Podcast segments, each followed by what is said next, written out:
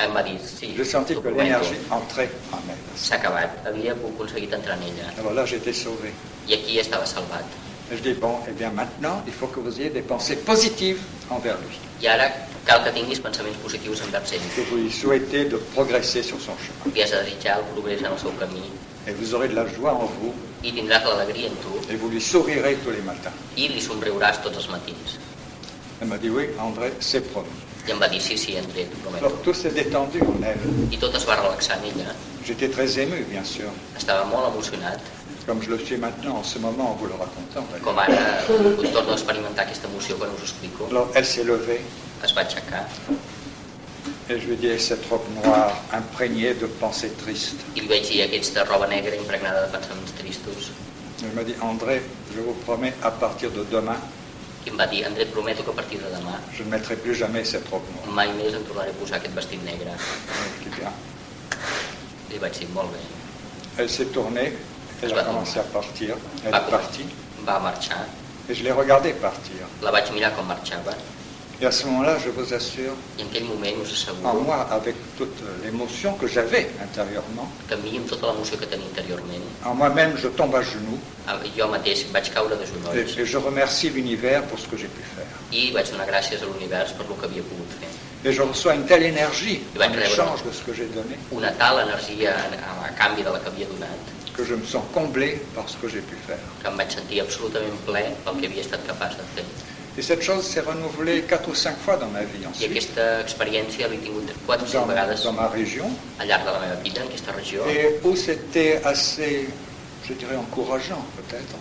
i on va ser bastant C'est encoratjador. qu'un couple qui avait perdu son enfant Era un matrimoni que havia perdut el seu m'a infant. amené six mois après un autre couple qui venait de perdre son enfant. Em va portar al cap de sis mesos un altre matrimoni que també havia perdut el seu Et je infant. me suis dit, tiens, donc ça a marché, ça a réussi. I em vaig dir, mira, realment ha anat bé. Et ces autres, on en a amené encore d'autres. Et j'ai eu comme ça une série de cinq ou six cas I aquests altres em van portar uns altres i vaig tenir així cinc o sis où, où casos j'ai eu le, le même discours à tenir. on vaig tenir que fer front a la mateixa discurs Et chaque fois, je recevais cette même énergie qui venait me combler. i cada vegada rebia aquesta mateixa energia que m'omplia totalment. Voilà ce que je voulais vous raconter. Això és el que us volia explicar. Une expérience vécue que vous pourrez vivre aussi vous-même. Una experiència viscuda que vosaltres mateixos també podeu viure.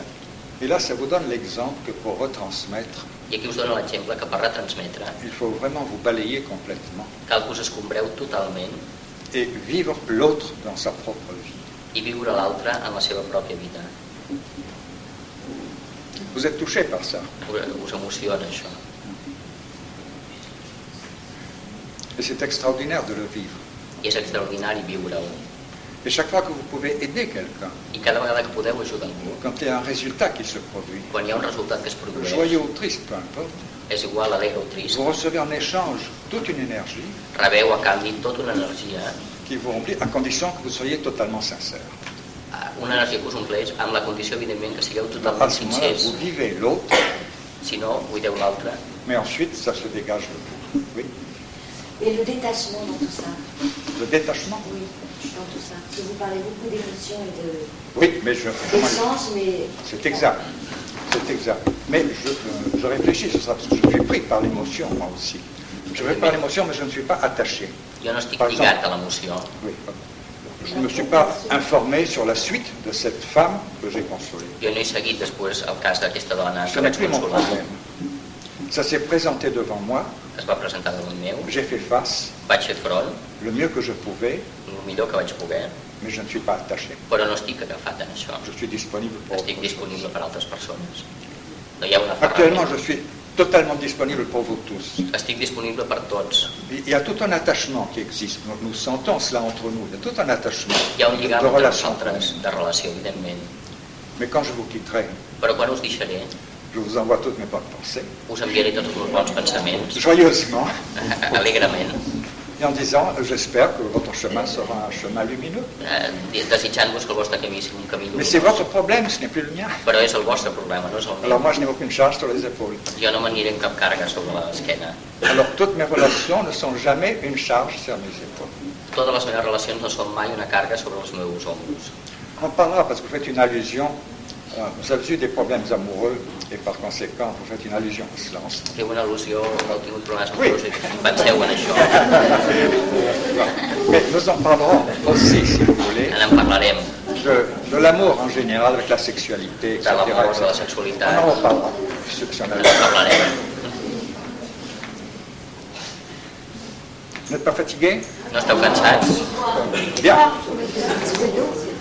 Bon, allez, on, on continue, hein Hein Oui, allez, ça marche.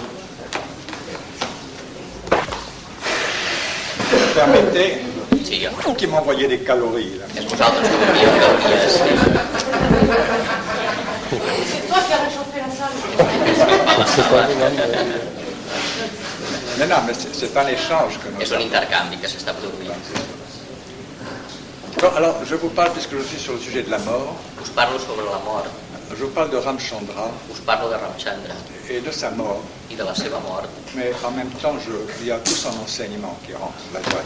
però al mateix temps hi ha tot el seu ensenyament que impregna de les meves paraules. Dans les premiers temps où je l'avais connu, En els primers temps en els quals els vam conèixer, on avait tourné en voiture dans le sud de l'Inde vam fer una volta en cotxe al sud de la Índia et il donnait des méditations dans différentes livres, dans différentes villes. i donava meditacions en diferents Et je ciutats. l'accompagnais, c'était un privilège.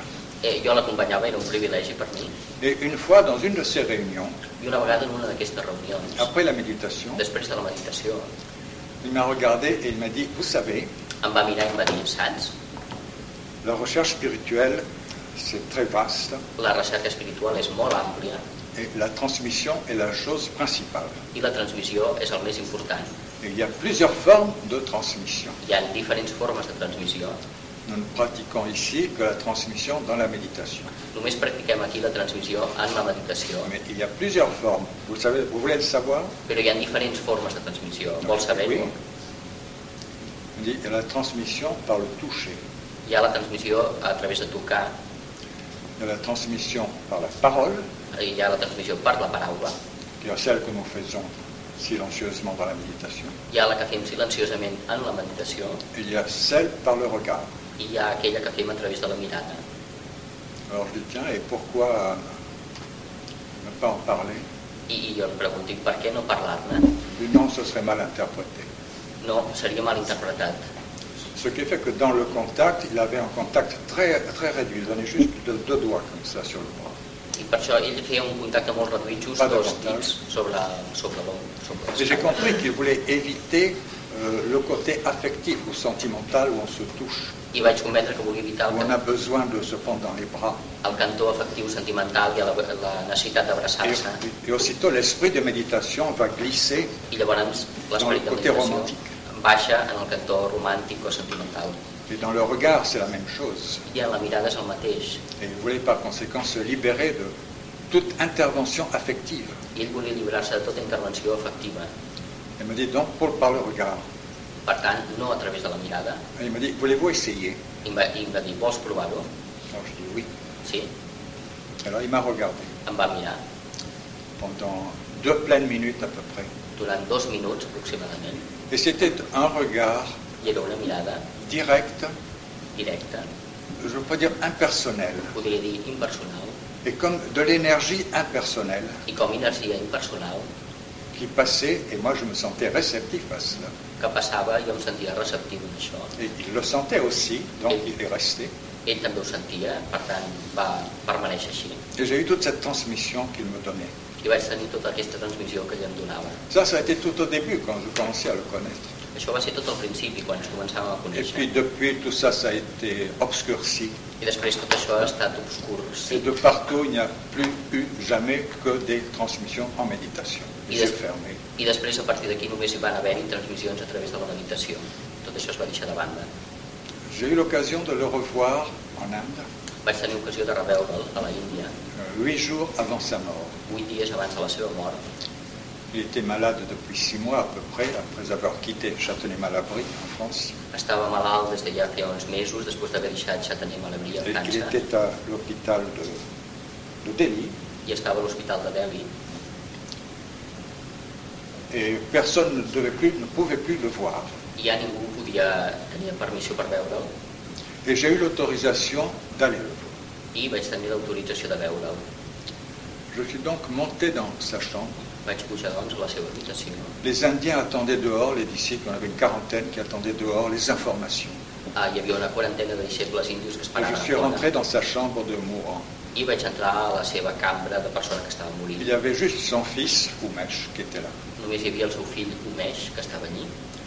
Euh, Oumesh, qui est pénible comme homme, égoïste, homme d'affaires, pas spiritualiste du tout, Umesh, que no és gens espiritual, home de negocis, gens espiritualista, qui ne cherchait que l'argent, que cherchait à ce qu'on lui paye des voyages. que només buscava diners, que li paguessin viatges. Oumesh a cependant joué un rôle filial remarquable, Però en canvi Umesh va ser capaç de ser un fill eh, notable, parce que pendant un mois, il est resté jour et nuit au chevet de son père. perquè durant un dia no es va moure de la capçalera del llit del seu pare. Mais personne n'avait le droit de rentrer. Et non, C'était- il ne C'était plus conviendra. possible. Donc je rentre et Oumesh dit à Ramchandra, hein, Babou, c'est André Poré. Entro i Umesh li diu a Ramchandra, Babu, és André Poné. Et Ramchandra qui avait des tuyaux dans le nez, un ar- Et- tenue artificielle, Ramchandra, que tenia, estava sortingut d'hospital, s'est tourné vers moi. es va tombar. Il ne pouvait pas parler. No podia Tout parlar. ce que je pouvais dire, c'est Mastre. Tot el que jo podia dir era Je ne mestre, pouvais que le regarder. només el podia mirar. Et il m'a regardé de nouveau. I em va mirar de nou Et j'ai retrouvé le regard que j'avais eu tout au début quand je l'avais connu. i vaig retrobar la mirada que havíem tingut al principi quan em va mirar Et quan nous ens vam sommes restés conèixer. peut-être deux ou trois minutes, le regard l'un dans l'autre. I vam quedar durant dos o tres minuts mirant-nos mútuament. Il ne pouvait pas parler, mais moi non plus. No podia parlar, jo tampoc. Et puis il y a eu comme une sorte d'adieu, I després hi va haver com una despedida. et je me suis levé et je suis parti. Em vaig aixecar i me'n vaig anar. Et ce regard-là, je ne peux pas l'oublier, I aquesta mirada no la puc oblidar, parce que j'ai senti dans ce regard le résumé de tout ce que j'avais pu apprendre pendant plusieurs années. perquè vaig trobar en aquesta mirada el resum del que havia pogut aprendre durant diversos anys. Et tout était clair, précis, direct, Tot era clar, precís, directe, une sorte de, de plénitude una mena de plenitud définitive. en somme. definitiva. Et j'ai pensé en même temps, mon Dieu, quel sacrifice cet homme a pu faire I al mateix temps vaig sentir quin sacrifici ha pogut fer aquest pour home accepter de traîner dans cette chambre d'hôpital per acceptar d'estar en aquesta cambra d'hospital avec tous ses tuyaux, amb tots aquests tubos et qu'il aurait pu peut-être se libérer lui-même. quan ell mateix hauria pogut alliberar-se, mais il a voulu encore transmettre jusqu'au bout. però ha volgut transmetre fins al final. Voilà, voilà mon histoire. És aquí la meva història. Pour moi, elle n'est ni triste ni joyeuse. Per mi ni trista ni alegre. Elle correspond au, au déroulement de, de la vie en général. Correspon al desenvolupament de la vida en general. Et si je le revois en ce moment devant moi, I si el reveig davant meu, je repense à la première question que je lui avais posée. torno a trobar la primera pregunta que li vaig Quel est le plantejar. sens de notre vie Quin és el sentit de la nostra vida? Il m'avait répondu, I em va respondre, c'est d'aider la nature dans son évolution. és ajudar a la natura en la seva evolució. La réponse était un petit peu vague, peut-être, La resposta potser era una mica vaga, inconcreta, mais je l'ai beaucoup mieux comprise ensuite però la vaig comprendre molt més endavant, quand j'ai pu suivre l'exemple de sa vie. quan vaig poder seguir el- l'exemple de la seva vida, Une vie totalement dépouillée, una vida totalment despullada, cherchant à rayonner sans cesse, eh, tractant d'irradiar sense parar à percevoir, à perception de l'harmonie universelle la percepció de l'harmonia universal et de transmettre cela à tous ceux qui se lamentent dans l'obscurité. i tractant de transmetre això a tots aquells que ploren a l'obscuritat. Et c'est pourquoi il ne cherchait aucun effet publicitaire. I per tant no cercava cap efecte Il ne faisait publicitari, pas de conférences, il ne parlait pas. no feia conferències, no parlava, Ça ne l'intéressait pas. no li interessava. La parole est du domaine plutôt affectif. La paraula pertany més aviat al domini El mental. al mental, Et il préférait se retirer à l'intérieur de lui-même. preferia retirar-se a l'interior d'ell mateix.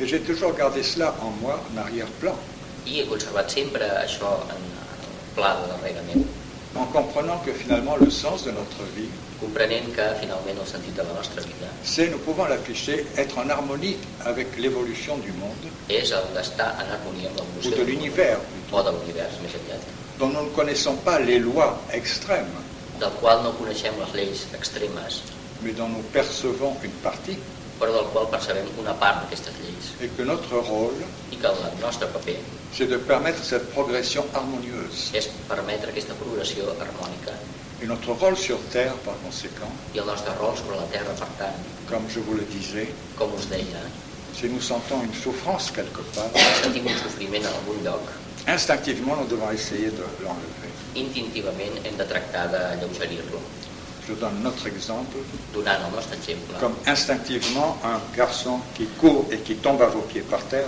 com si instintivament un nano cau als vostres peus, instinctivement vous le relevez. instintivament l'aixequeu. Il faut que notre comportement dans la vie Cal que el nostre comportament en la vida ait cette sorte d'automatisme. tingui aquesta mena d'automatisme. Et vous recevez à ce moment-là une telle richesse, une telle richesse d'énergie, I rebeu en aquest moment una tal riquesa d'energia que vous ne pouvez plus vous arrêter. que no podeu aturar-vos. J'en serai à vous dire, flanquez-vous par terre pour que je puisse vous relever. Diré, tireu-vos a terra perquè us pugui aixecar. Comme ça, vous me donnez une petite joie. Doneu una alegria.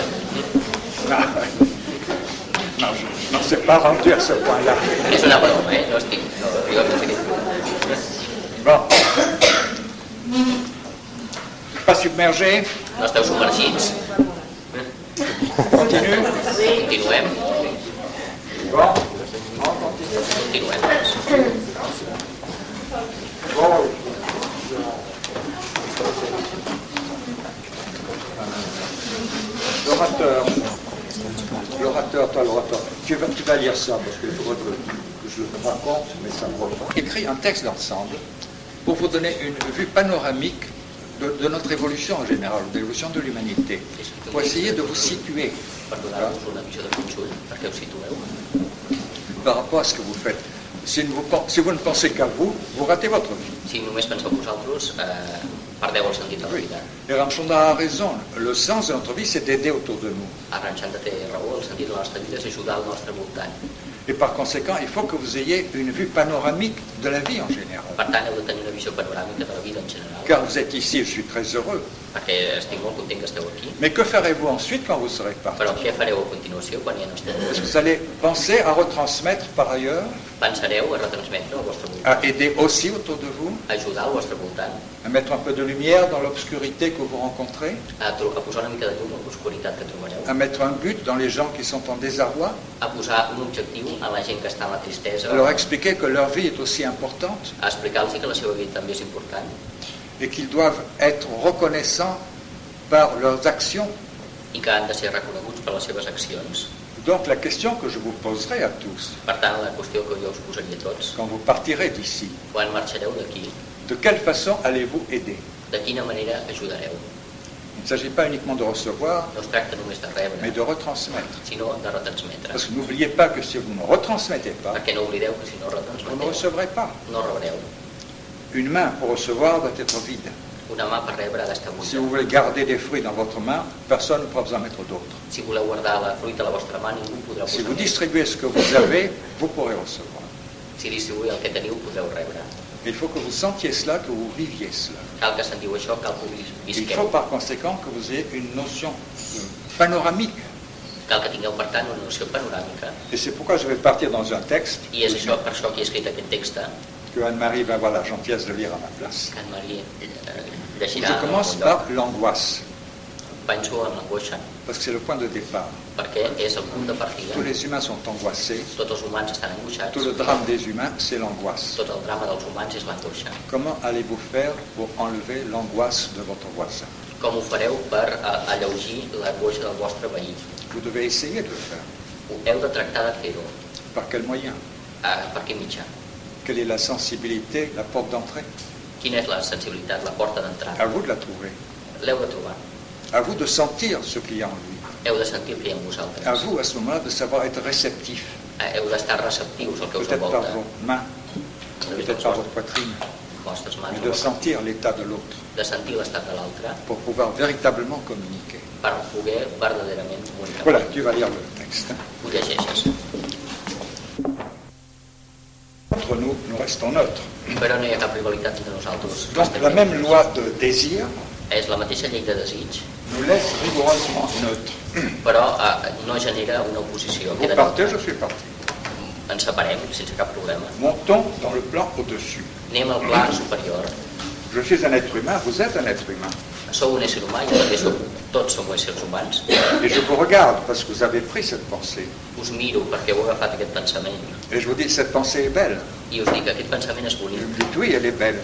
I em dieu, sí, és bonica. Immédiatement, il y a un point commun entre vous et moi. Immediatament ha Cette generat pensée que nous avons vue. un punt comú entre nosaltres, aquest pensament Nous que sommes en harmonie avec cette pensée. i estem en, en harmonia amb aquest pensament. Mais peut-être que vous avez d'autres pensées intéressantes. vous. Però potser teniu altres pensaments Ah oui, interessants ça me rappelle une autre phrase que j'avais entendue. amb vosaltres. I això em recorda una altra frase que Et moi, havíeu je vous sentit. cite une phrase aussi que j'ai entendue qui m'avait marqué. I citareu també una frase que havíeu sentit que us havia... Je dis, tiens, je vais la prendre aussi.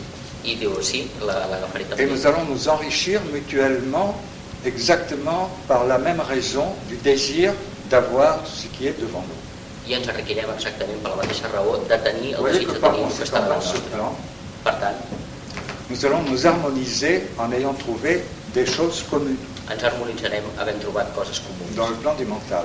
en el pla mental.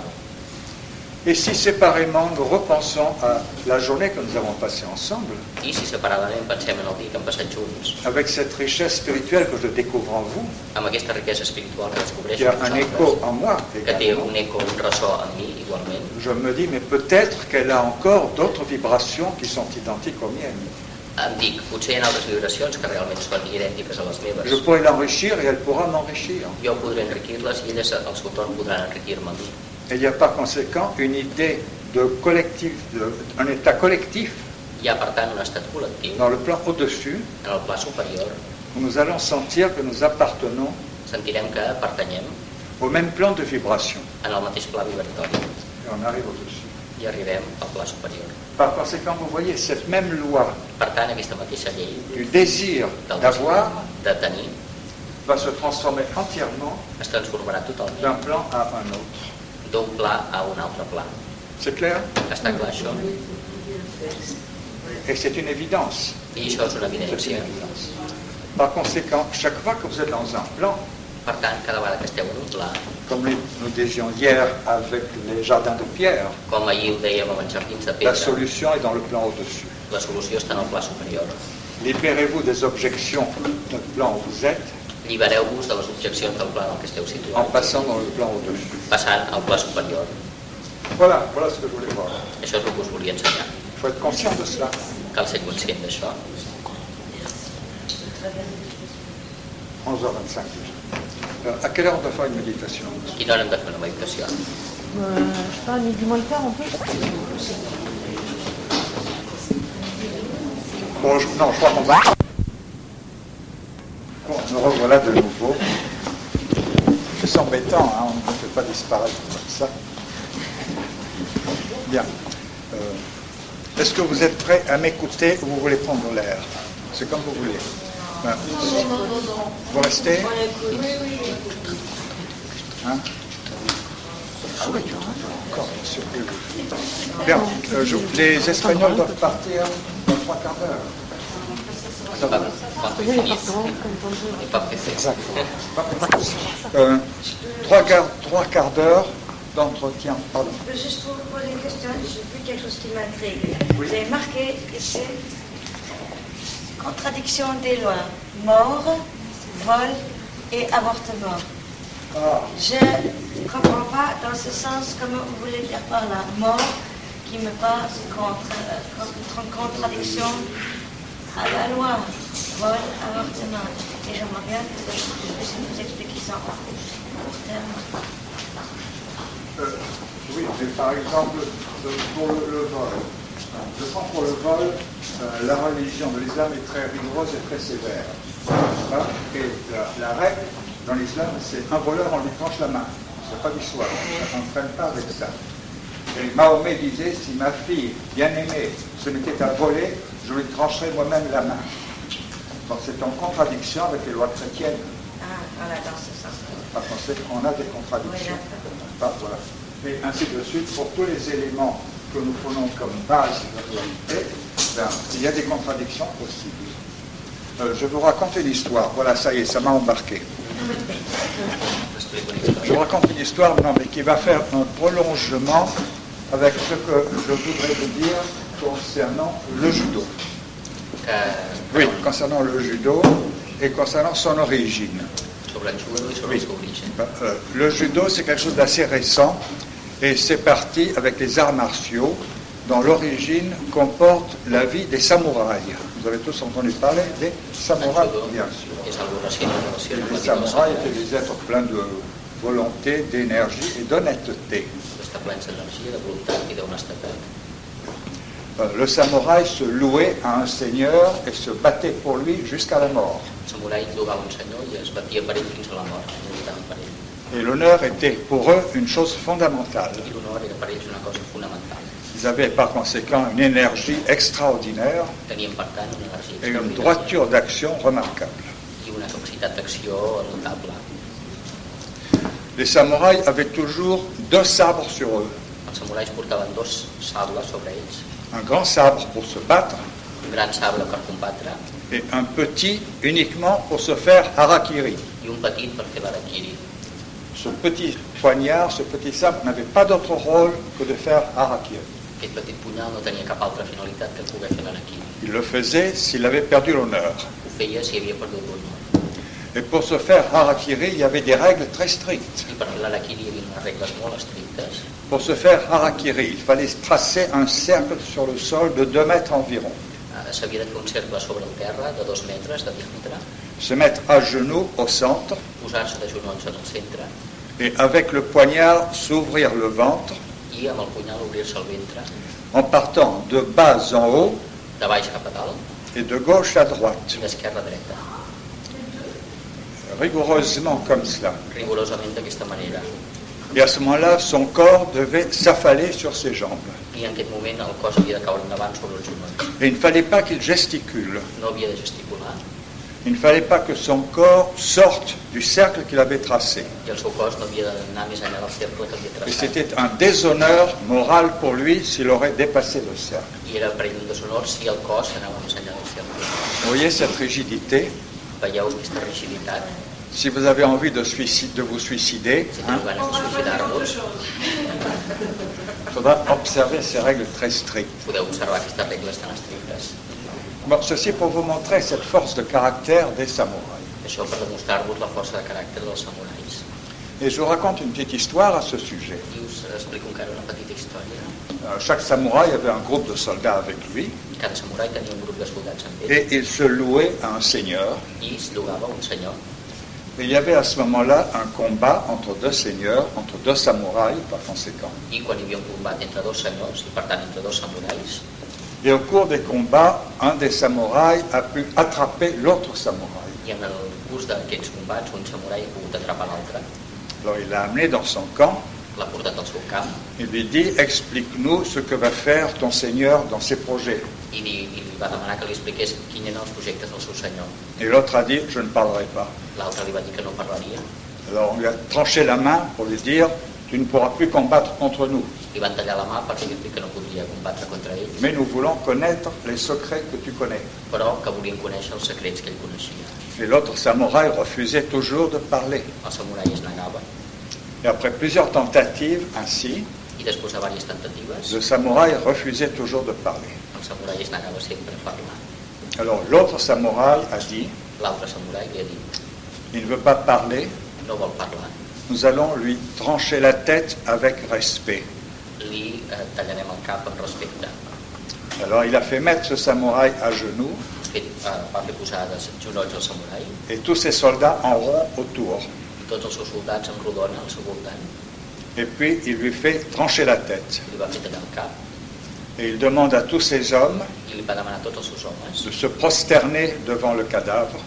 d'agenollar-se davant del cadàver Et il dit aux morts, i li diu al mort, Ô noble chevalier, o noble cavaller, si tu reviens sur terre, si torna sobre la terra, fais-nous l'honneur de revenir parmi nous. tens l'honor de tornar entre nosaltres. C'est pas beau comme histoire No és maco com a història. C'est- c'est- enfin, C'est fantastique. Non, on ne pas que c'est fantastique un comportement pareil, une noblesse pareille. Una noblesa tal. Voilà l'esprit des samouraïs. Aquest era l'esperit dels samurais. Et les samouraïs, ça va se prolonger avec le bouddhisme zen. I els samurais, això es perllongarà en el budisme zen. et avec les jardins de pierre que vous avez vus. i amb els jardins de pedra que us ensenyava allí. Mais en plus, les samouraïs, pour se battre, Però a més, els samurais per lluitar avaient un sabre, tenien un sabre, l'arc l'arc et un bâton. i un bastó. Alors quand ils se battaient, Quan lluitaven, ils commençaient avec l'arc. començaven amb l'arc. Et déjà dans l'arc, il y avait tout un enseignement mental. I en l'arc hi havia tot un ensenyament mental. Dans l'entraînement, il y avait un rituel En l'entrenament hi havia un ritual avec des pas bien définis. amb passos molt definits. Et quand il tendait son arc, I quan estirava el seu arc, il fallait que mentalement, calia que mentalment il pense à l'unité pensés en l'unitat de, de son énergie, de la seva energia, de la flèche de la fletxa et du but à atteindre. i de l'objectiu a, a arribar. Et en lui-même, il devait dire tout cela ne fait qu'un. I en ell mateix s'havia de dir que tot això... La notion de formava- l'unité venait donc dans son action avec la flèche et le but à atteindre. I la noció de l'unitat venia de l'acció amb la fletxa. C'était la meilleure L'objectiu discipline pour atteindre le but. Era la disciplina per arribar a l'objectiu. Et quand il utilisait le bâton, I quan qui n'avait utilitzava, plus euh, rien d'autre que le bâton, quan utilitzava el bastó, quan no tenia res més que el bastó, il repensait à une unité havia de pensar en l'unitat, qui était le bâton, que era el bastó, son énergie intérieure la seva energia interior et le but à atteindre. i l'objectiu a arribar. Et par conséquent, pour vous-même, I per tant, per vosaltres quand vous mateixos, décidez de quelque chose, quan decidiu alguna cosa, il faut arriver à réaliser cette unité de vision cal realitzar aquesta unitat de visió de la pensée qu'on a décidée, del pensament que heu decidit, de l'élément qui va être utilisé de l'element que utilitzareu et du but à atteindre. i de l'objectiu a assolir. Nous pouvons reporter ça dans les méditations en général. Podem traslladar-ho a les meditacions en general. Ben, vous avez quelqu'un qui est faible, fragile, Si teniu algú que és comme certaines personnes. fràgil, com algunes persones, Il faut qu'elle réalise en elle l'unité cal que realitzin en elles la unitat de sa personne de la seva persona avec sa méditation amb la seva meditació et le calme à atteindre. i eh, l'estat de calma al qual han d'arribar. Et en elle, tout cela ne doit faire qu'un. I en elles tot això no ha de fer més cul. Et par conséquent, ça se réalise. I per tant, això es realitza. Vous voyez, c'est une sorte de spiritualité énergie. Veieu, és una mena d'espiritualitat No. enèrgica, energètica. Bien. Alors, les samouraïs avaient ensuite le jujutsu. Tenien els samurats el jiu-jitsu, Quand ils n'avaient plus perdu le sabre, la flèche, le bâton, quan havien perdut tots els seus instruments, ils étaient obligés de se battre à main nue. havien de batre's amb les mans nues Et c'est là qu'il y avait tout l'enseignement de se battre à main nue. i llavors tenia tot l'ensenyament per Se lluitar amb les libérer. mans nues. Euh, mais tout ceci a été un petit peu perdu dans le passé. Però tot això s'ha perdut una mica en el passat. Il y a eu un japonais qui s'appelait Jigoro Kano, Hi havia un japonès anomenat Jigoro Kano, qui était un universitaire que era un universitari, et qui a repensé tout le jujutsu que va repensar tot el jiu-jitsu afin que ce soit l'esprit qui domine sur le corps. per tal de que l'esperit dominés sobre el cos Et c'est ainsi qu'est né le judo. i així va néixer el judo. Et le judo, par conséquent, est un enseignement I el judo, per tant, és un ensenyament qui est inévitablement physique et spirituel. que és inevitablement físic i espiritual al mateix Tout est temps. mêlé étroitement. Tot està junt inevitablement. J'ai pratiqué du judo Jo he practicat el judo et vous l'avez vu peut-être en général, i ho he viscut ser mais au jeu d'Atlanta, ça a dégénéré complètement. als Jocs d'Atlanta, això va degenerar totalment, Parce que Jigoro Kano disait, perquè Jigoro Kano deia dans un enseignement de judo, en un ensenyament de judo il ne faut pas faire de championnat. no s'ha de fer campionats. Marquer un point, perdre un point, c'est la même chose. Marcar un punt o guanyar un punt és el mateix. Ce qui compte, c'est la victoire sur vous-même. El que compta és la victòria sobre vosaltres Et mateixos. c'est la base de l'enseignement du judo. És la base de l'ensenyament del judo. Malheureusement, le fils de Jigoro Kano Malauradament, el fill de Jigoro Kano était un homme d'argent. era un home de negocis Il est parti en Amérique fa- en faire faire un sport i va anar a Amèrica i va fer un esport, avec des championnats amb campionats, pour gagner de l'argent. per guanyar diners. Et l'esprit du judo semble partir. I l'esperit del judo sembla perdut. En tout cas, dans les Jeux d'Atlanta, En tot cas, en els Jocs d'Atlanta, quand je voyais les lutteurs de judo hurler dans leur joie de gagner, quan veia els lluitadors de judo que cridaven perquè havien guanyat, il n'y avait plus l'esprit du judo, no hi havia l'esperit del judo, car dans une compétition, quand nous nous entraînions, Perquè en una competició, quan ens entrenàvem, tout se passait en silence. tot es donava en silenci.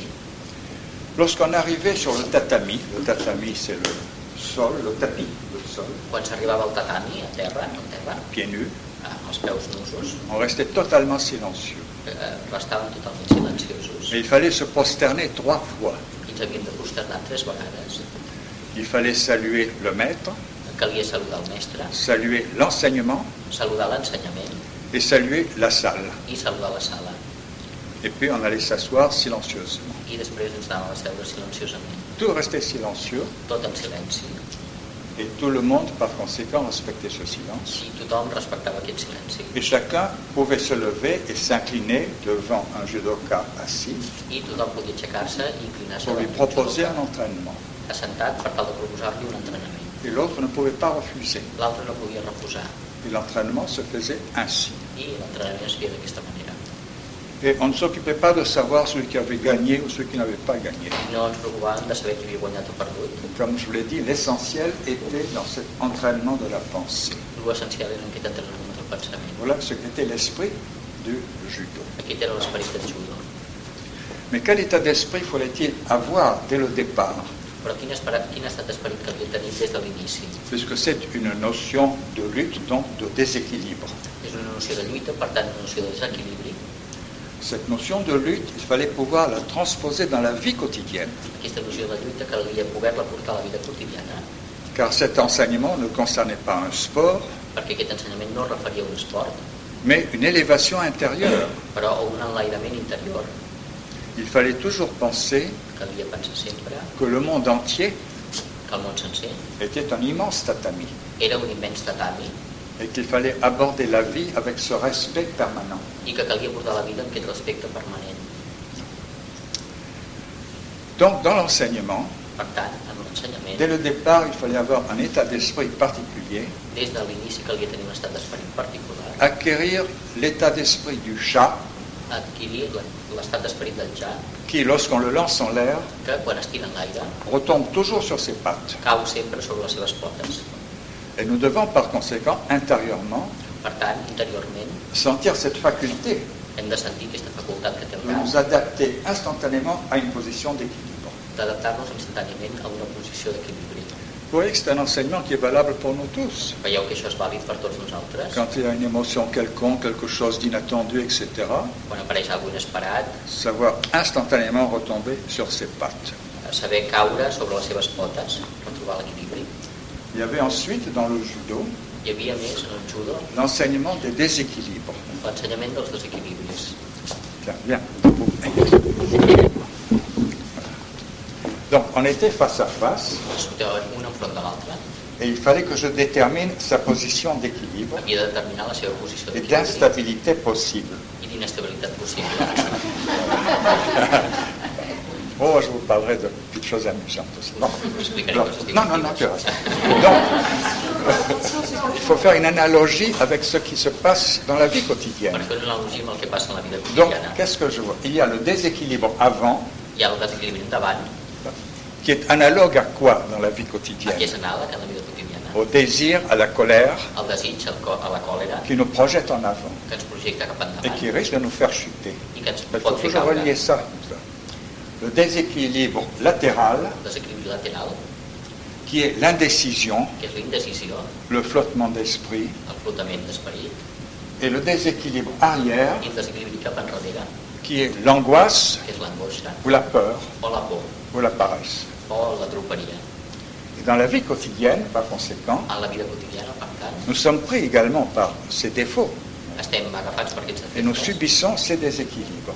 i, i experimentem aquests desequilibris. Donc, quand vous êtes en face d'un problème, Per tant, quan esteu enfront d'un problema, essayez de sentir en vous quel est de- le déséquilibre qui va arriver sur vous. tracteu de sentir quin desequilibri està actuant. Vous devez affronter quelqu'un de très important Heu d'afrontar algú molt et vous important avez le déséquilibre arrière parce que vous n'avez pas envie d'y aller. i teniu el desequilibri darrere, no teniu Il ganes faut d'anar. sentir donc toutes ces réactions du monde extérieur Hem de sentir aquestes et reaccions. del món votre exterior comportement pour réagir envers cela. I tenir un comportament per reaccionar Et enfront Eh, de mettre d'això. l'énergie juste nécessaire I pour situar l'équilibre. just necessari Ça va Voilà. Oh, pendant que tu es là, j'en profite, excusez-moi, je fais une parenthèse. Faig un parèntesi.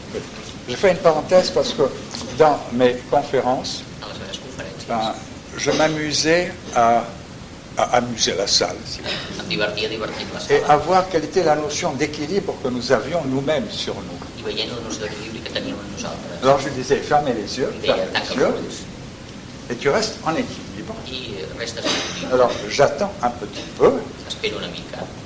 je le laisse euh, perdre un petit peu en lui, mais il ne se perd pas, il est en train de se Deixa perdre el concentrer. carinyo, però no es perd. Et par conséquent, ça sera difficile, bien sûr. És difícil. Mais je verrai par conséquent que s'il y a un petit mouvement, je vais le piéger par ces mouvements du corps. Vous comprenez Puc seguir els moviments del cos. On attend un petit peu, ça suffit. Ça. S'espera una miqueta.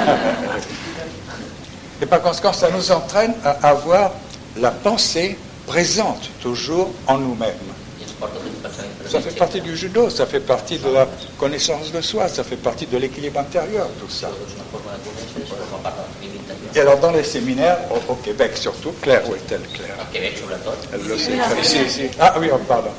Je faisais des séminaires comme ça, je faisais mettre les gens face à face, deux à deux, et puis chacun s'entraînait à pousser l'autre. quoi. cada un Puis après il y avait la revanche, l'autre qui était tombé, il en prenait un bon coup, à celui, etc. Et bah, je continue sur ce sujet. Je l'ai déjà fait. Attends, là, tu restes. Alors, après, je disais aux gens, bon, restez comme ça, sans bouger, en équilibre, les yeux fermés. Et puis j'attendais une bonne minute. els ulls tancats, uns Et minuts. puis je voyais que petit à petit, eh bien, le- il y avait un flottement qui se faisait en lui, ça commençait à tourner un petit peu. Hi havia un flotament, començava... Alors je montrais que euh, l'équilibre n'était pas là.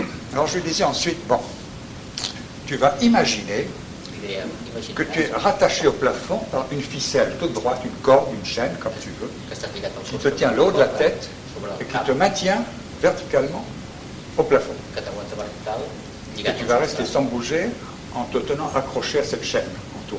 T'aguantes quiet, agafat a aquesta corda. Et vous verrez qu'il est beaucoup plus stable. Veieu que està, és, hi ha molta més estabilitat. Et ensuite, je lui dis, bon, ça va, c'est bien, c'est Ah, plus stable, non Voilà. Ensuite, je disais, on ne va pas s'accrocher au plafond, mais tu vas imaginer que tout ton poids est entre les genoux, simplement. Tout le poids de ton corps est entre tes genoux. Li deia, imagina que tot el teu pes està entre els dos genolls. No estàs lligat en lloc. Et il va également garder la stabilité. I guardarà Oui, igualment. oui, ça y est. Il y avait quelque chose qui me. qui se- Ah, oui, oui, oui, c'est ça. Bon, alors, non, non, tu restes encore. Même ça. Bon, et alors, je vais lui demander ensuite, Li demandaré després euh, comment a été tu, étais-tu plus stable com Sans estàs rien més estable. avec l'accrochage au plafond ou avec les genoux Au plafond, tu étais Lligat plus al stable. sostre, entre els Bon. genolls. Ma conclusion immédiate, vous voyez, dans des cas comme cela, La conclusió. ton cheminement, c'est un cheminement spirituel El, el teu et non moviment pas un cheminement matériel. I no material. Voilà, ça c'est ma déduction immédiate. Aquesta és la reducció immediata. Pourquoi Parce que tu as cherché l'équilibre dans la partie supérieure Buscar l'equilibri en la et part non pas superior dans la solidité matérielle entre les genoux. i no en la Tu auras des part gens qui au contraire sont matérialistes et material. qui mettent toute la charge en bas pour Hi ha rester gent que stable. posa tota la càrrega a- Et ça me guide immédiatement sur le cheminement qu'il doit chercher. i això diu sobre el camí que està buscant. Vous comprenez Parce que Ça nous éclaire immédiatement sur cette possibilité. Voilà, merci. Je te rends. Voilà, Après ça, on peut déduire pas mal de choses, évidemment, sur cette enseigne. Hi ha moltes coses sobre aquest ensenyament. Donc, dans le judo, comme je vous le disais, Per tant, en el judo, com us deia, l'entraînement va se faire, l'entrenament es farà. quel que soit le grade et l'âge et le poids, Quin que sigui el grau, la- l'edat, el car pes, cette recherche est toujours l'équilibre de soi perquè la recerca és sempre l'equilibri d'un mateix par rapport à l'extérior. respecte a l'exterior. Alors, je raconte ça dans une feuille Explico això qui a en una été rognotypée dans le paquet que estava en el... que certains en el paquet d'entre de vous ont eu. que hem tingut al Et vous allez par conséquent retrouver tout cela euh, Retrouver. détaillé. Tot això detallat en aquestes fulles. Mais tout ce que je peux constater dans la feuille et en conclusion du judo Conclusió sobre el judo et des Jeux d'Atlanta, dels Jocs d'Atlanta c'est que tout le judo a été repris comme un sport et un combat et les gens hurlent et crient, És que tot el judo està reprès com una lluita i com una competició. alors que dans le judo traditionnel, tout était silencieux. Quan en el judo tradicional tot era silenciós. Et je constate par conséquent que toutes les valeurs spirituelles actuellement ne font que s'effriter. I constato que tots els valors espirituals actualment no fan més que trencar-se. Car dans ce cas, effectivement, Perquè en aquest cas, un champion maintenant de judo, un campió actual de judo tôt ou tard avec les années, va vieillir, arribarà un moment que envellirà, il sera inévitablement battu par un autre. serà inevitablement guanyat per un altre, Alors que le judo, le judoka d'autrefois, mentre que el judo que d'altres temps, qui avait pris cela comme un enseignement de sagesse, que prenia això com un ensenyament de saviesa, ne pouvait que développer continuellement sa sagesse intérieure avec l'âge. no podia més que amb l'edat que desenvolupar la seva saviesa interior. Et c'était donc deux orientations tout à fait différentes. Per tant, són dues orientacions totalment différents. Je plains le judoka de maintenant qui en fait un sport, L'any un judoc actual amb que, que en fa un et esport j'ai toute m'estime pour le judoka d'autrefois qui en faisait un enseignement. i estimo el judoc d'altres temps que en feia un ensenyament. Alors, est-ce que c'est une loi actuelle És que és una llei actual de voir s'effriter toutes les valeurs spirituelles de veure trencar-se tots els valors Parce espirituals, que c'est ce que nous constatons actuellement. perquè és el que constatem actualment. Je suppose que tout va être remis en question Penso que tot serà posat en qüestió dans l'univers entier en tot l'univers et que petit à petit vont surgir des conceptions nouvelles. i que a poc a poc sorgiran noves concepcions. Je peux encore parler de cet avenir, Puc encara parlar una mica d'aquest futur. car je suis ingénieur, Soc enginyer, euh, ingénieur des arts et métiers, enginyer d'arts i oficis. et nous étions 100 par promotion. Érem 100 per promoció Il y a six écoles dans toute la France. i en sis escoles a tota la França. Et il y avait un délégué de promotion Hi havia el delegat de promoció qui gardait le contact avec tout le monde que guardava el contacte amb tothom pour maintenir l'amitié et la solidarité. per mantenir l'amistat i la solidaritat. Alors on avait un bulletin d'information entre nous tous. Teníem un butlletí d'informació entre On se nosaltres, réunissait deux ou trois fois par an dans les régions que l'on pouvait. ens reuníem dos o tres cops per any a les regions Et que cette podíem tradition, on l'a conservée toute notre vie. i aquesta tradició l'hem conservat tota la vida.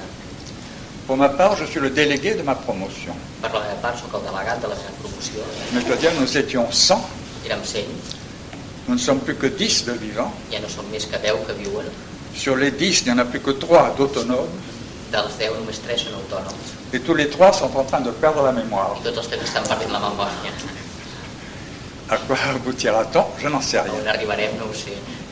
Mais pourtant, nous avons eu une réunion intéressante. Però en canvi hem tingut una reunió interessant. Parce que nous avons eu, il y a deux mois ou trois, un congrès des délégués de promotion. Perquè hem tingut fa dos o tres mesos un congrés dels delegats de promoció.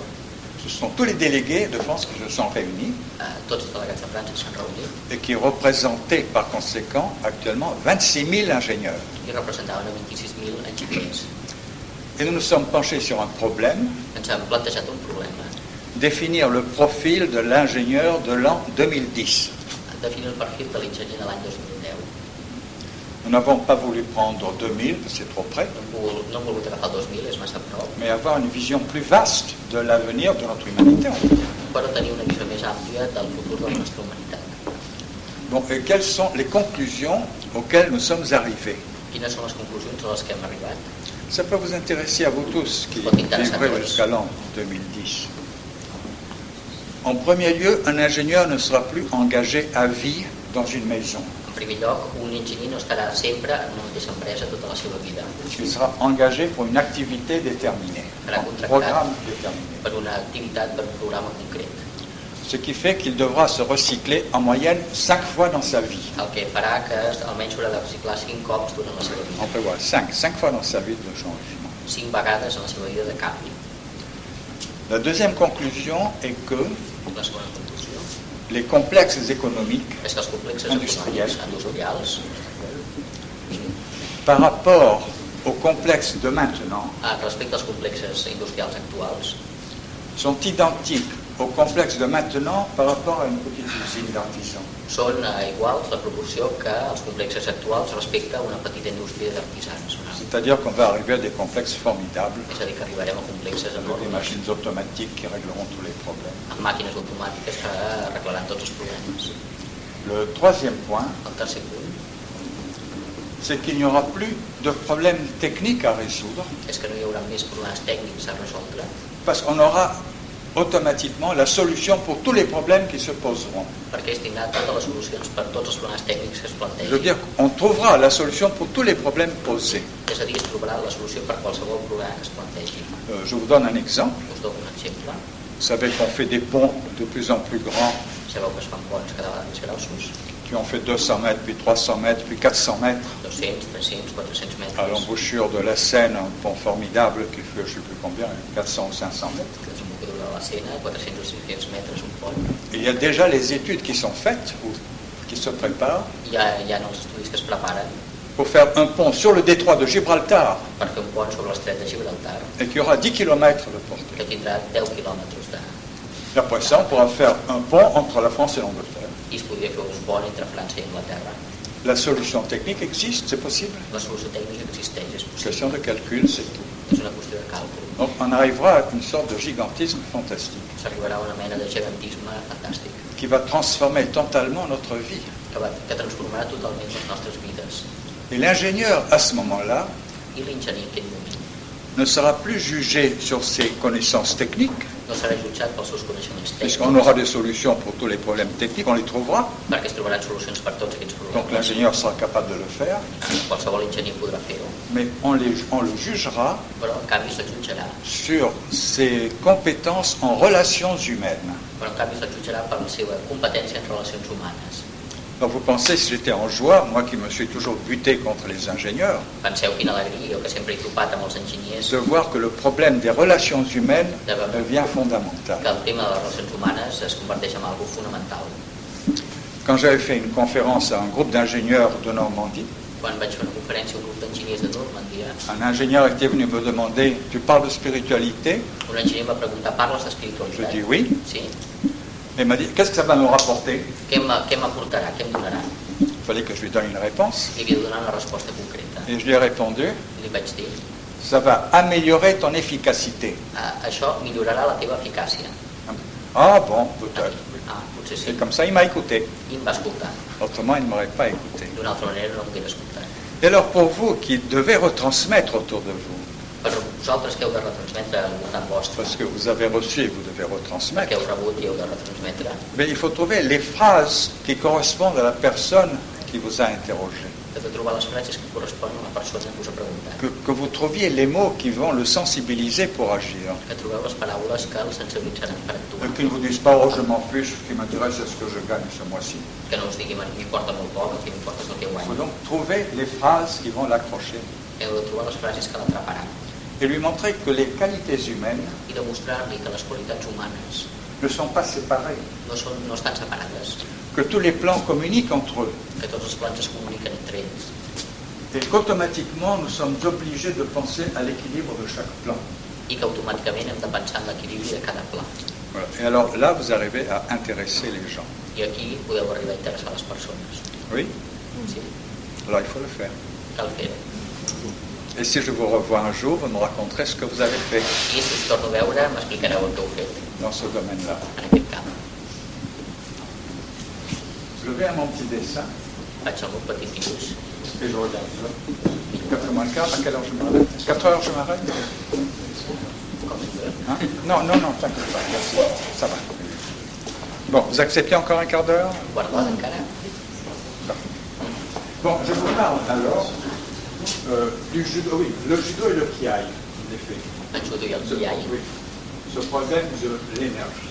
el problema de l'energia. Ce matin, nous disions déjà que entre le corps et l'esprit, Dèiem aquest matí que entre el cos i l'esperit il y a la nuque, hi ha la nuca et que c'est une chose très importante i que és algo molt important que d'avoir la nuque sans aucun point dur. de tenir la nuca sense cap punt do- Il dolorós. faut que la circulation puisse se faire très librement cal que la sang pugui circular molt Par lliurement. conséquent, de temps en temps, frottez votre nuque Per tant, de tant en tant feu un petit et massatge. cherchez les points durs parce que vous en avez sûrement. Busqueu els punts durs, us segur que en Appuyez teniu. fortement et vous trouverez des points durs. Apoyeu fort i si Quan dolorós. Pones dolorosos. Et il faut arriver à éliminer ces points durs I cal arribar a eliminar tots els punts durs de la nuca parce qu'ils forment des blocages. perquè formen blocatges. Alors ça, c'est la chose fondamentale de tout. Això és fonamental. Et je viens à ce problème d'énergie I vinc aquest problema de l'energia et de circulation dans le corps. i de la circulació en el cos.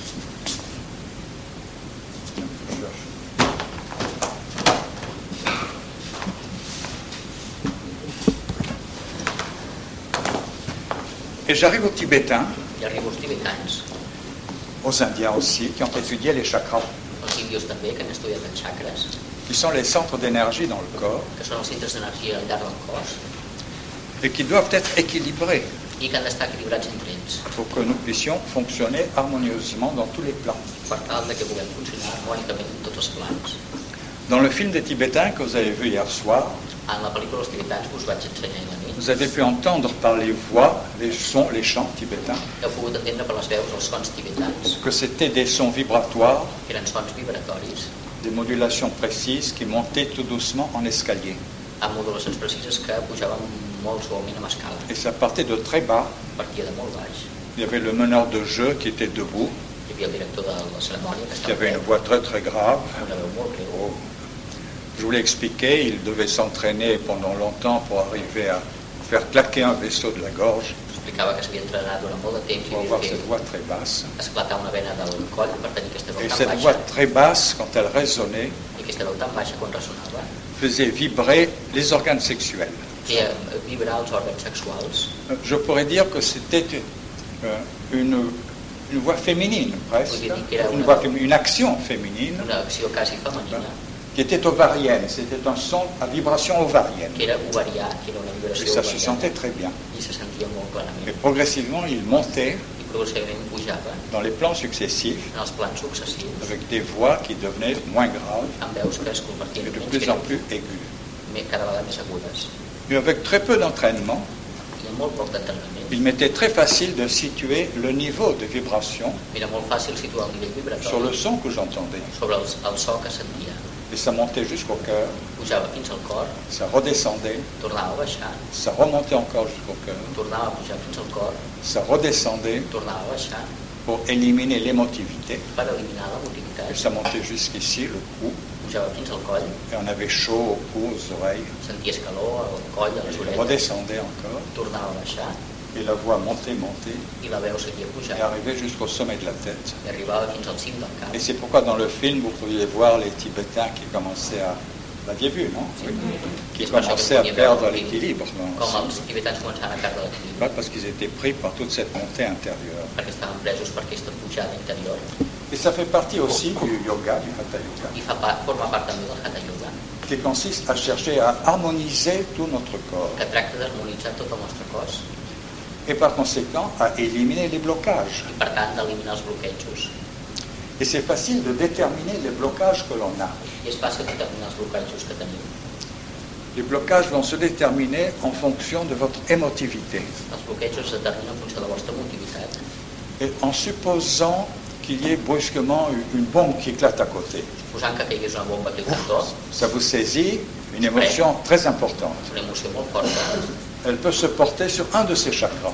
pot portar-se sobre un dels sacres següents. Et je commence tout de suite par le plus bas pour vous expliquer, non pas les organes sexuels, mais tout de suite dans le ventre. I començo pel més baix, no en els òrgans sexuals, sinó en el ventre.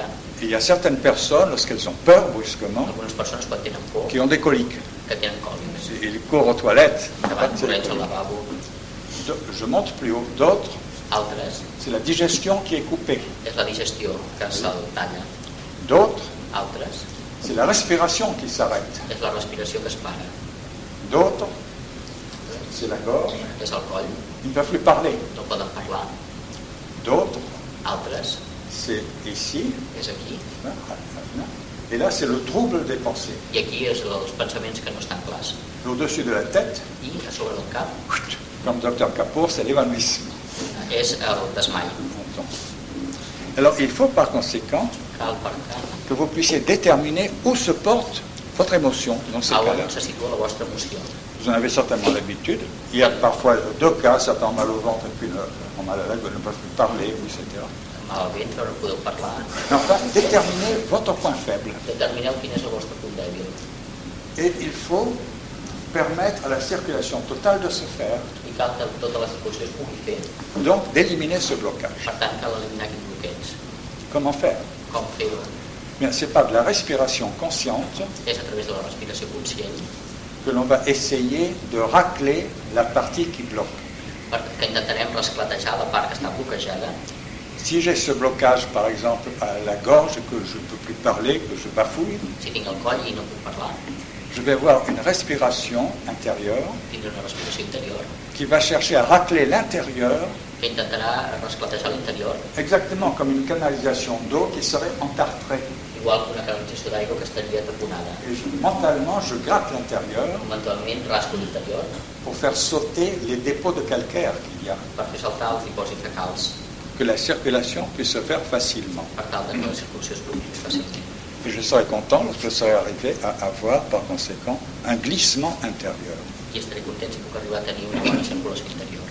Si je vous fais une imitation, une imitation par le son, Si us faig una imitació pel so, vous remarquerez qu'un blocage comme cela, notareu un bloqueig així, comme euh, sonorité intérieure que vous pouvez sentir, amb sonoritat interior que podríeu Quand sentir. c'est bloqué, ça fait chhh, comme dans une tuyauterie bloquée. Quan està bloquejat fa aquest so Il faut arriver à ce que ça fasse chhh, i en arribar a aquest altre so. voilà. Il faut que tout ce mouvement intérieur se fasse avec ce son de Tot el moviment interieur s'ha de fer amb aquest so. afin que lorsque vous avez besoin de ramener une énergie localement, Per tal que quan haveu de portar l'energia localment, vous faites ça et hop, l'énergie est là à l'endroit que vous voulez. ho feu i l'energia va al lloc que necessiteu. Enfin, je vous souhaite d'y arriver. Et par conséquent, tout cet enseignement indien, tibétain, etc., a cela comme but I per tant, tot aquest ensenyament intuitivitat i tot aquest Et so c'est com a cette façon de finalitat vous donner un, é- un équilibre intérieur. i és la manera de donar-vos un equilibri interior. Sinon, ça ne fonctionne pas, la machine a des ratés. Si no, la màquina no funciona. Alors ici, j'avais fait un dessin Aquí havia fet un dibuix qui consiste à vous faire penser à tous ces chakras de nouveau, oui, bien que sûr, us fa pensar de nou en tots aquests xacres et Euh, un détail particulier au sujet des rencontres d'amitié qui se font i un detall sobre les trobades d'amistat que, que es fan entre les êtres humains, peut-on entre els dire, éssers humans, podríem dir, pour se définir un petit peu. per definir-se una mica. Il y a- L'approche que l'on fait L'aproximació que fem, va se faire avec les chakras, en réalité. l'aproximació que fem, de fet, es farà amb els xacres. Et c'est pourquoi, par exemple, en Inde, I és per això que, per exemple, la chaque fois que j'allais voir Ramchandra, cada vegada que anava a un xacre, il me prenait dans ses bras et c'était le cœur contre le cœur, per tant, dels seus braços i el le cos del chakra cor. du cœur. Moi, je n'en avais pas l'habitude d'ailleurs, parce qu'en France, j'avais l'habitude quand j'allais vers quelqu'un, au contraire, je me penchais de l'autre côté. Je crois qu'en France, on se penche, non Je ne sais pas. Hein, on penche plutôt comme ça. Et en Inde, non. Alors, je mettais du temps, je me disais, mais pourquoi, bon Dieu Ben, C'était l'histoire du cœur. I doncs era, en canvi, posar el cor contra el cor. Vous avez le même geste entre les Arabes qui saluent, portent la main, puis Teniu el mateix à geste la dels bouche, àrabs que au cœur, saluden. au cœur, etc. C'est la même idée, n'est-ce pas, de transposer l'énergie, d'harmoniser l'énergie que l'on peut avoir ensemble. Cal un tip que tenim. Alors, au-delà du cœur, Més enllà del euh, cor, j'ai vu des trappistes, par exemple, qui, lorsqu'ils se saluaient, ils ne s'embrassaient pas, que saludaven. c'était la tempe contre la tempe. vous Aquest Le cantó côté. del cap del cor. voyez.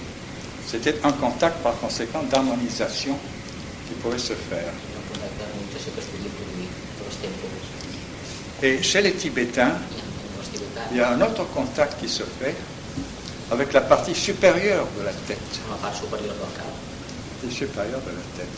Parce que là aussi, c'est en somme le sommet de l'énergie Parce que c'est qui le arrive cycle de à ce l'énergie. point. En aquest punt. Et je vous montre une photo. Doncs que no pot Dalai Lama, c'est une photo prise au Québec. Je ne sais pas si Claire la connaît ou pas.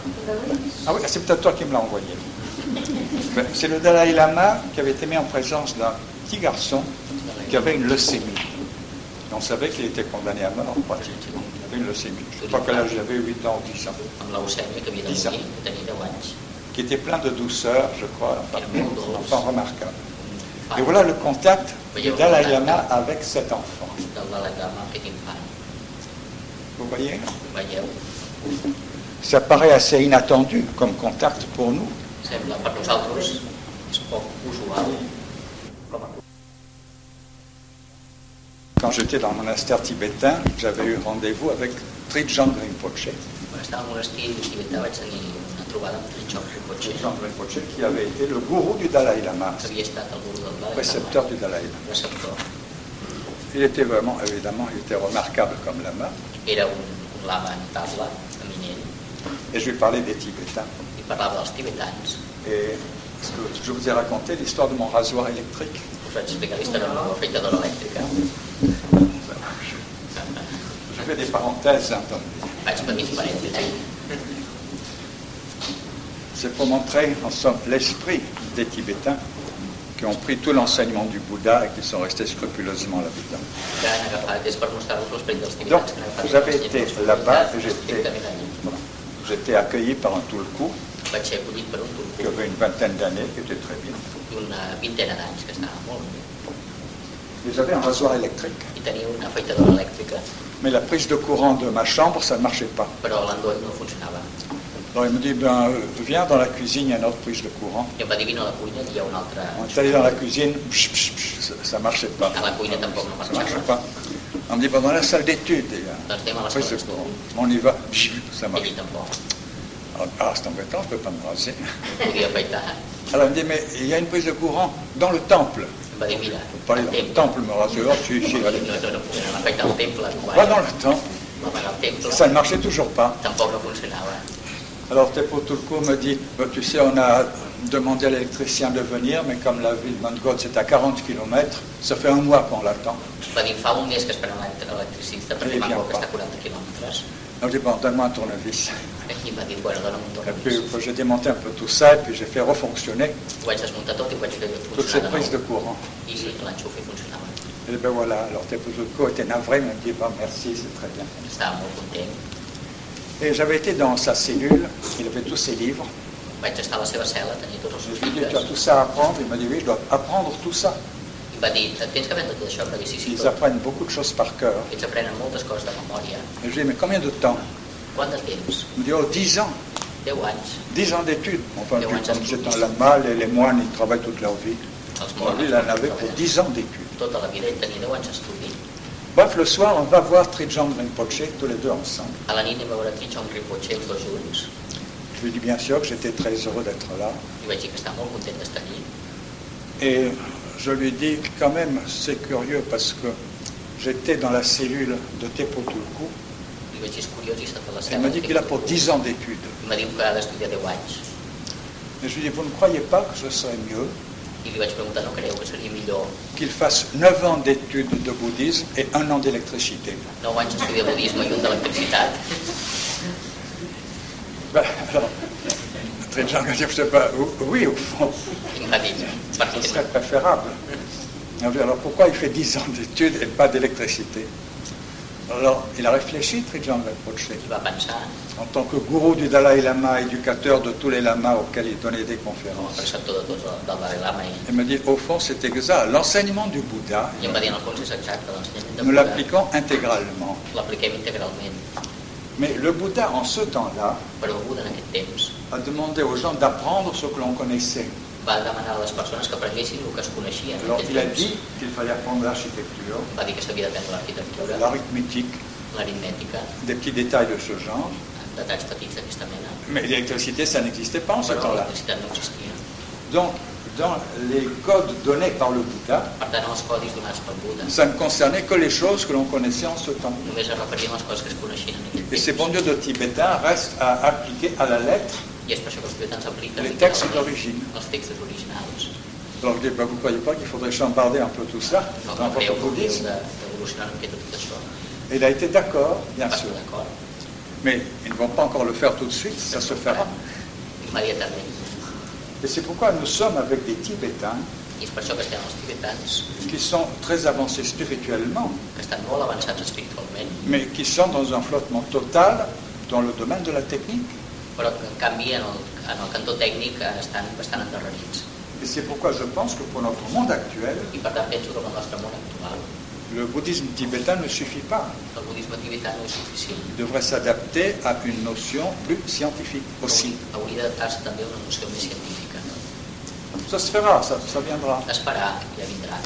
Parce que quand j'avais vu le Dalai Lama, Com vaig veure el Dalai Lama, il m'avait expliqué qu'il aimait bien démonter les montres. em va dir que li encantava desmuntar les rotxes. Alors je me suis dit, bon, c'est- c'est un bon début, I pensé, bueno, és un bon principi, parce que la montre n'existait pas du temps de Bouddha. perquè la rellotge no existia en el Donc temps il del Buda. évolue un peu vers la mécanique.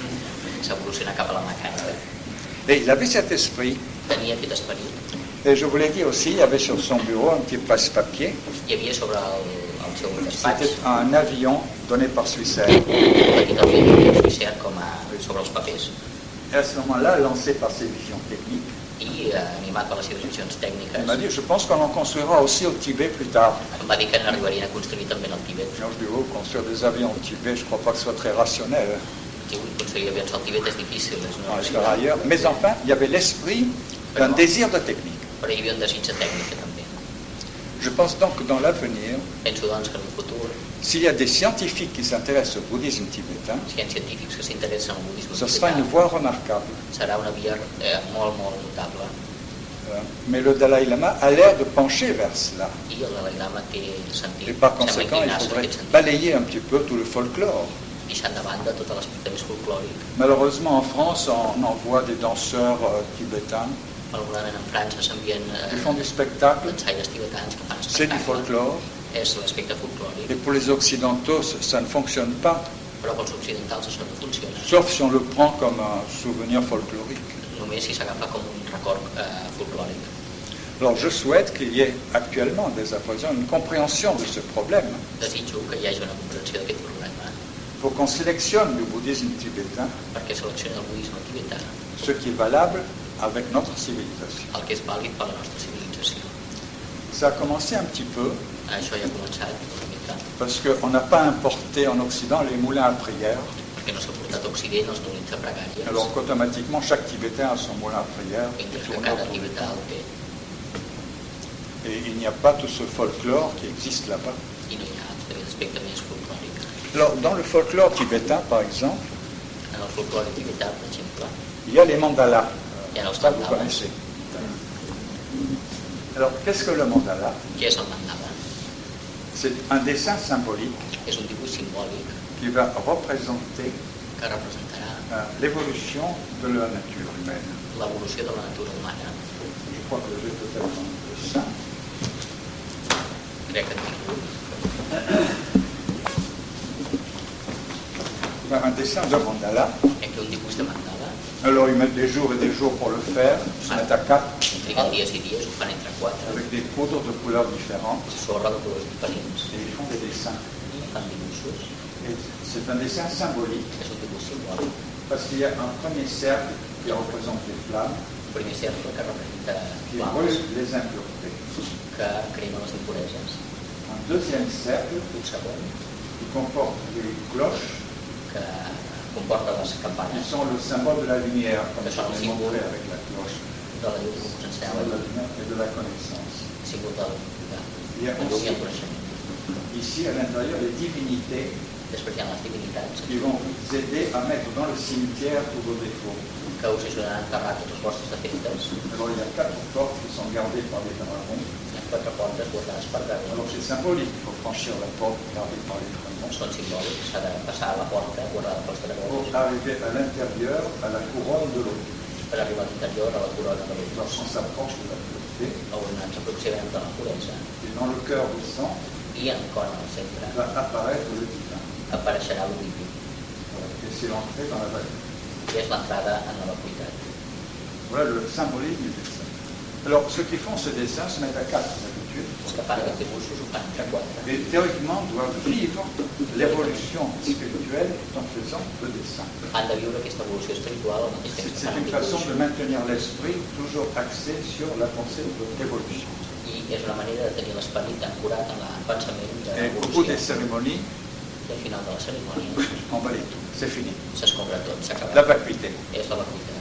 Voilà un dessin tibétain, l'enseignement tibétain. És un dibuix- J'ai un autre dessin tibétain qui est tout à fait différent comme idée, una altra discrimitat. car c'est au sujet de la sexualité. Ha referit a la sexualitat. Et les Tibétains ont étudié le problème de la sexualité I els tibetans estudien el problema de de la façon très sexualitat. précise, pour le dire. Et ils veulent que l'esprit humain se libère de l'emprise de la sexualité. Que l'esperit humà s'hi alliberi de la... Alors ils ont fait des tankas qui sont très beaux, que je voudrais répandre un peu partout. Han fet tanques molt boniques. Ce sont deux squelettes en train de faire l'amour. Són dos esqueletos fent l'amor.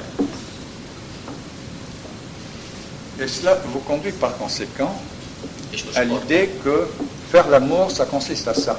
C'est ça l'image. Ah, La idea és que fer l'amor consisteix en això. Això és la imatge.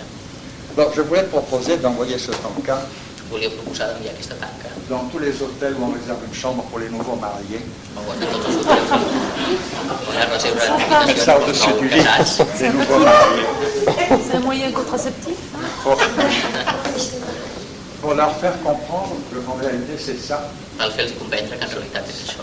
Et nous sommes, nous ne devons pas être en servitude.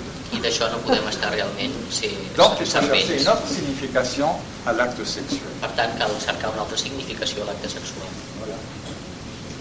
Ça va Sembla que Très bien. és per eh? explicar-vos.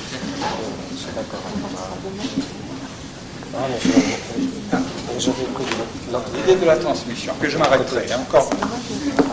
5 minutes, ça va Encore 5 I de minutes transmissió, 5 minuts i pararem. C'est au sujet de la transmission et du contact qu'on a avec les êtres. És sobre la transmissió del contacte que tenim amb els éssers. On vous a lu ce matin le texte où on cherche à arriver dans l'état de transparence. Us hem llegit aquest matí un text en el qual tractem d'arribar a l'estat de Alors il faut transparència. que vous arriviez à cet état intérieur Cal arribar a aquest estat où interior, vous êtes totalement disponible on esteu totalment disponibles et plus rien n'existe que les réactions de l'extérieur. i que no existeix res més que les reaccions de l'exterior. Et vous les sentez, Les sentiu, vous les acceptez ou non, les accepteu o et no, vous pouvez les contrôler. i podeu controlar-les. Euh, autrement dit, Dit d'una altra manera, si j'entre dans une salle comme ici, je ne connais rien j'entre dans cette salle, en una sala com aquesta, amb diferents... je sens l'atmosphère de, de paix, de pensée présente, et d'équilibre qu'il y a, Sento l'atmosfera de pau, de pensament, et je d'equilibri. vais m'ouvrir totalement, je vais me rendre réceptif totalement, M'obriré totalment, em torno receptiu. et pour cela il faut que je détende tout mon corps physique, tout mon cerveau, toutes mes pensées, que tout soit détendu, Cal que relaxi tot el meu cos físic, el meu pour être pensament, réceptif à toutes les vibrations qui ont été créées par vous dans cette salle. perquè jo pugui ser receptiu a totes les vibracions que heu creat en aquesta sala. Si par contre je dois rester dans un café où les gens sont en train de boire et de crier, Si en canvi estic en un cafè on la gent està cridant, bevent, et que je ne tiens pas à être euh, noyé par toute cette euh, saleté, i que no vull ser ofegat per tota aquesta brutícia, je vais créer automatiquement une protection autour de moi. crearé automàticament una protecció al voltant meu. Alors je vais rentrer dans la salle Entraré en la sala, en imaginant que je suis comme dans une enveloppe en plastique imaginant que estic com a l'interior d'una... et que par conséquent toutes ces vibrations négatives i que sont totes les arrêtées. vibracions negatives no m'arriben. Et par conséquent je rentre librement. I per tant puc entrar lliurement. Si parfois je suis dans une salle ou dans un train ou n'importe quoi, Si estic en una sala, un tren, on que estigui, obligatoirement assis ou à côté ou en face d'une personne qui me paraît désagréable parce que sa, sa tête est massive. enfront enfront d'una persona que em sembla desagradable per l'aspecte. Dans mes pensées, je tire un, un écran. En el meu pensament poso una pantalla, Imaginez comme un écran, comme une glace en plastique, quoi, imagineu com una qui me sépare totalement de l'autre. placa de plàstic que ens separa. Et je de l'altra, décide que je suis en dehors de son influence. I decido que estic fora de la seva Et influència. ça marche très bien. I va molt bé. Alors faites l'essai, une autre fois, à l'occasion. Faites l'essai. Et vous arriverez progressivement Proveu i arriba à al punt. contrôler tous les allers-retours qui se font en votre- entre votre corps et l'environnement. I arribareu a controlar progressivament a les nanes suivant que vous l'acceptez ou que vous ne l'acceptez entre el pas. vostre cos i l'exterior.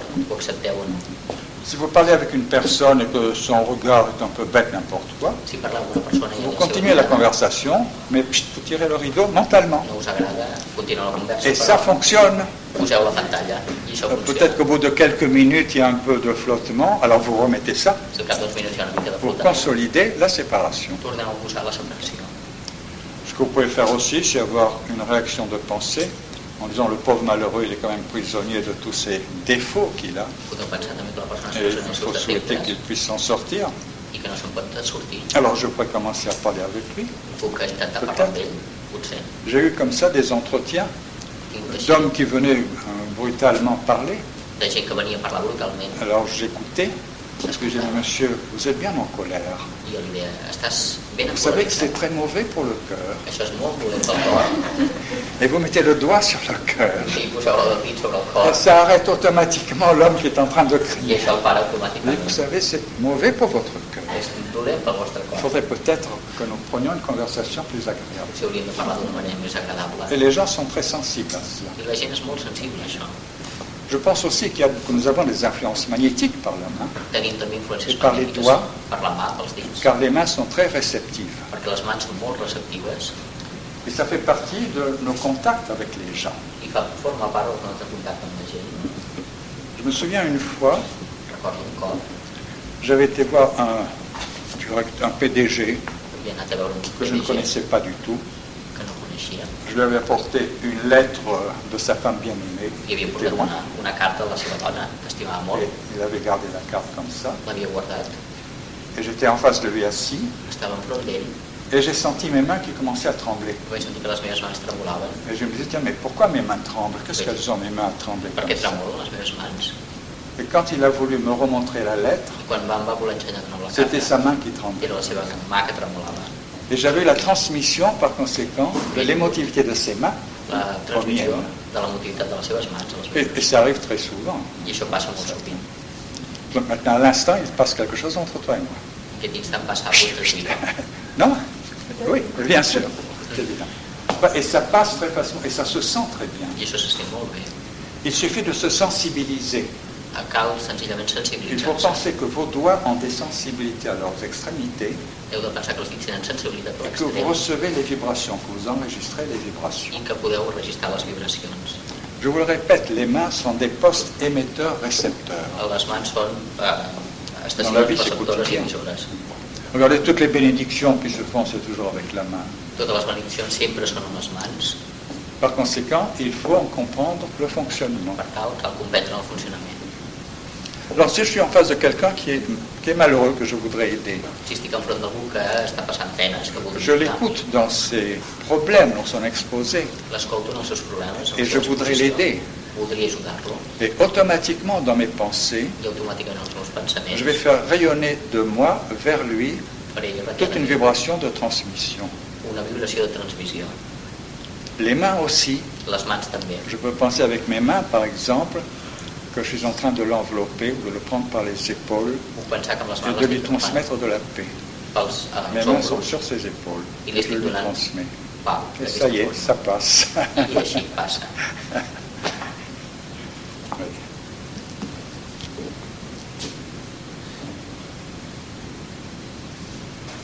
Ça va passer. Ben, Et puis aussi, il y a la transmission qui va se parler. Alors, d'où part la transmission On pourrait dire c'est un, un triangle. La transmissió parteix d'aquest triangle Les épaules et ici, devant, vous voyez, c'est cette entre partie-là el ventre i qui, en- els qui ombros. englobe le cœur et une partie des poumons. I vas als pulmons.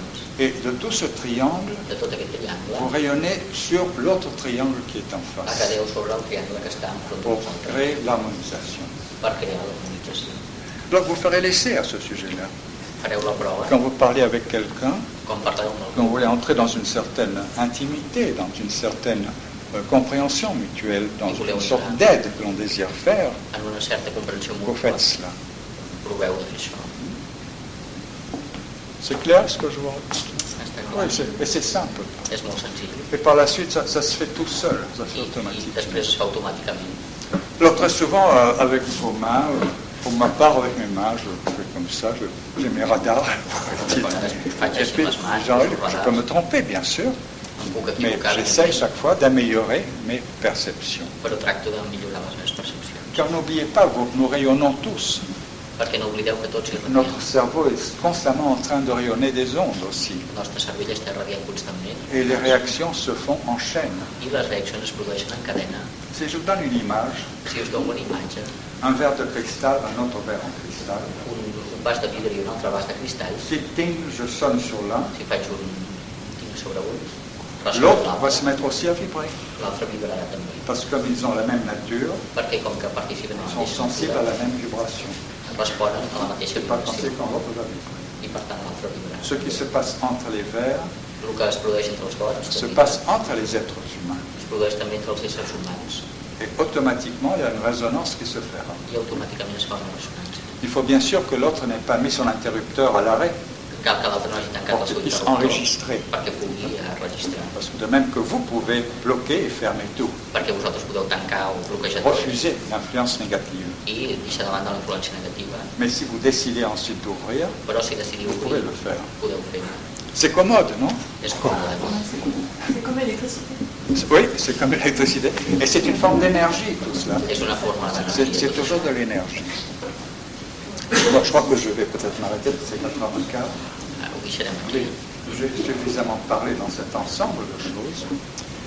Et tout ceci pour vous dire que dans la transmission, par conséquent, Tot això per dir-vos que en la transmissió, pour vivre véritablement le sage marg, per viure verdaderament el Sejmal, pour que nous puissions recevoir et retransmettre, perquè podem rebre i retransmetre, il faut que nous puissions connaître toutes ces, ces réalités de vibration. cal que puguem conèixer totes aquestes realitats de Et avec un vibració peu d'habitude, i amb una mica d'hàbit ça fonctionne très bien. eh, funciona molt fàcilment.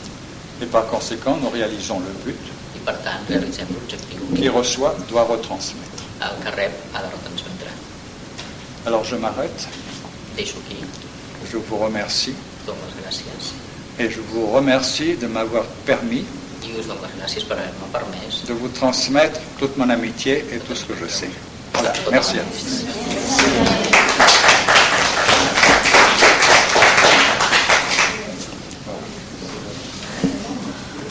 Bon, c'est terminé, il y a ceux qui doivent partir maintenant. Alors, Euh, Encore une chose, s'il vous plaît. Au début, je vous avais demandé si quelqu'un éventuellement pourrait nous aider pour la traduction du livre de Baradachari. Si vous avez réfléchi entre-temps, éventuellement,